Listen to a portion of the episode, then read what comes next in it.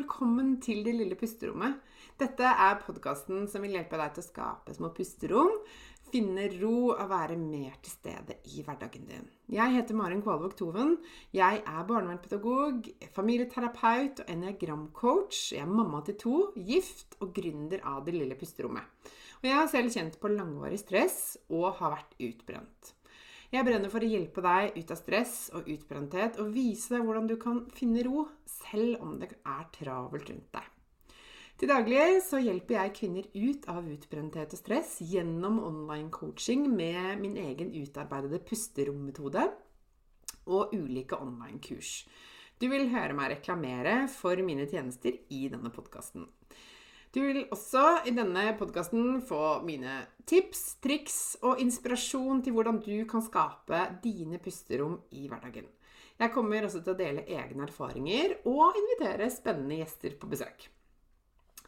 Mer om meg og det jeg kan hjelpe deg med, det kan du lese om på delillepusterommet.no.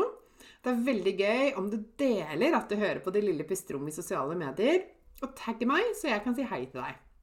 Jeg heter Marin Kvalvåg Toven både på Facebook og på Instagram. Her kommer dagens episode.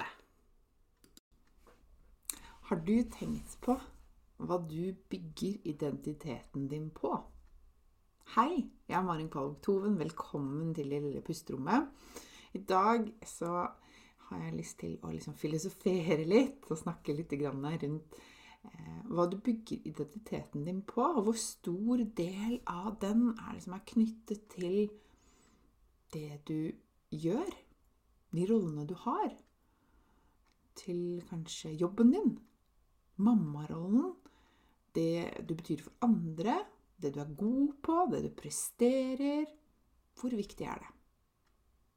Litt sånn juicy det her, kanskje. Og kanskje har du tenkt gjennom det, eller kanskje er dette et helt nytt tema. Uansett så håper jeg du har nytte av det jeg skal dele i dag. Fordi at dersom du bygger en stor del av din identitet på f.eks. jobben du gjør, eh, eller hvem du er for andre, eller hva du får til, så kan jo det svinge ganske mye i løpet av kanskje en dag, men i hvert fall et år og et liv. ikke sant? Og da vil jo selvfølelsen din kunne svinge med. Sånn at i perioder hvor du kanskje får til mye, får mye ros, eller føler at du har overskudd, så vil du liksom føle deg bra. Mens eh, andre dager eller perioder hvor ting er tøft, kanskje du er syk, eller kanskje, sånn som, kanskje nå er du utbrent, eller, eller livet skjer, så du blir forhindra i å gjøre alt det du egentlig vil, eller Så vil jo selvfølelsen din da svinge med, ikke sant? Og det kan skape ganske mye stress. For du må stadig leve opp til og liksom levere ut fra det du forventer av deg selv. Så hvem er du da, når du f.eks. blir sykemeldt eller av en eller annen grunn ikke kan fylle den rollen som er så viktig for deg? For meg så ble dette en skikkelig aha-opplevelse da jeg skjønte at hele livet så hadde jeg bygget min identitet og min selvfølelse på å hjelpe andre.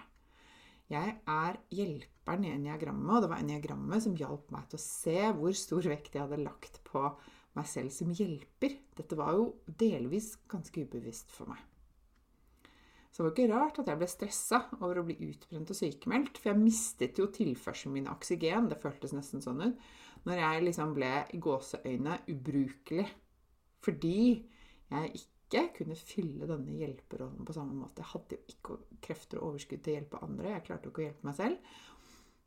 Og jobben min jo, besto jo i å hjelpe andre. Jeg jobbet som familieterapeut. Og jeg mistet jo den rollen og den muligheten til å føle meg viktig.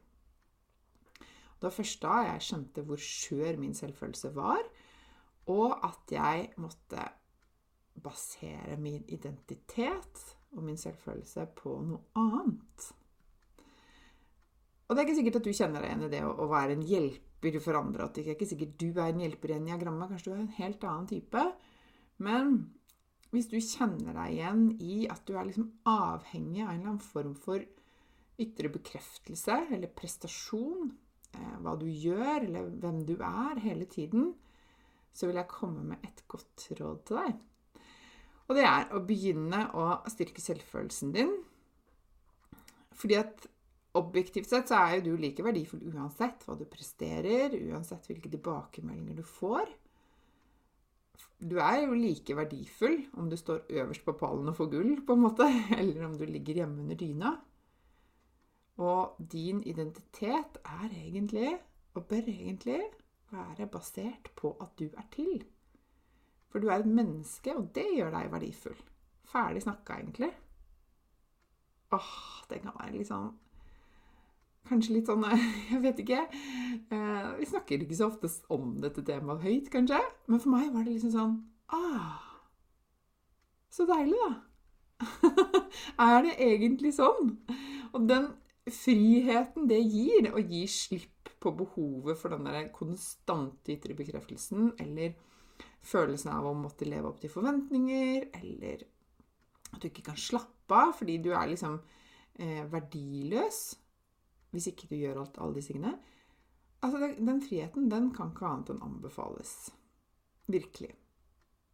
Eh, og hvis du bare tenker ja, men åssen i huleste gjør jeg det? Hvordan kommer jeg i gang med å styrke selvfølelsen min? Så jeg lyst til å dele et tips til deg. Og det er at jeg har en femminutters meditasjon, gratis femminutters meditasjon for styrket selvfølelse, som er et veldig fint sted å starte.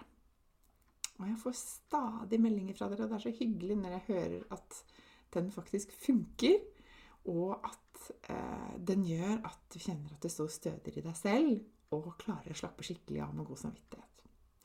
Du finner link til den under denne episoden her hvis du har lyst til å sjekke ut dem. Um, altså jeg har bare lyst til å liksom avslutningsvis spørre deg hva ønsker du å bygge din identitet på? Og i forlengelsen av det hva ønsker du at hvis du har barn eller andre rundt deg, hva ønsker du at de skal bygge sin identitet på? For husk at barna de ser på oss, de lærer av oss. Og det vi liksom sier til oss selv, det fanger de opp, altså. På godt og vondt. og vil du at din identitet, din selvfølelse, din opplevelse av verdi skal basere seg på det du får til, eller vil du egentlig at den skal stå støtt i at du er like verdifull uansett? Hva vil du? Dette kan bare du svare på. Og jeg vil bare anbefale deg å være bevisst på hva du baserer identiteten din på. Det kan ha enormt mye å si.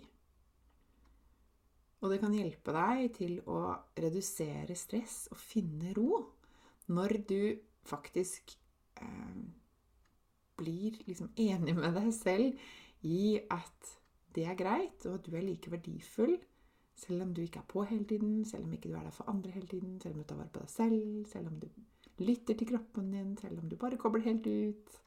Ikke sant? Alle disse tingene her. Og det er en nøkkel hvis du ønsker å komme deg stress, ut av stress og ut av utbrenthet, og ikke havne tilbake der igjen.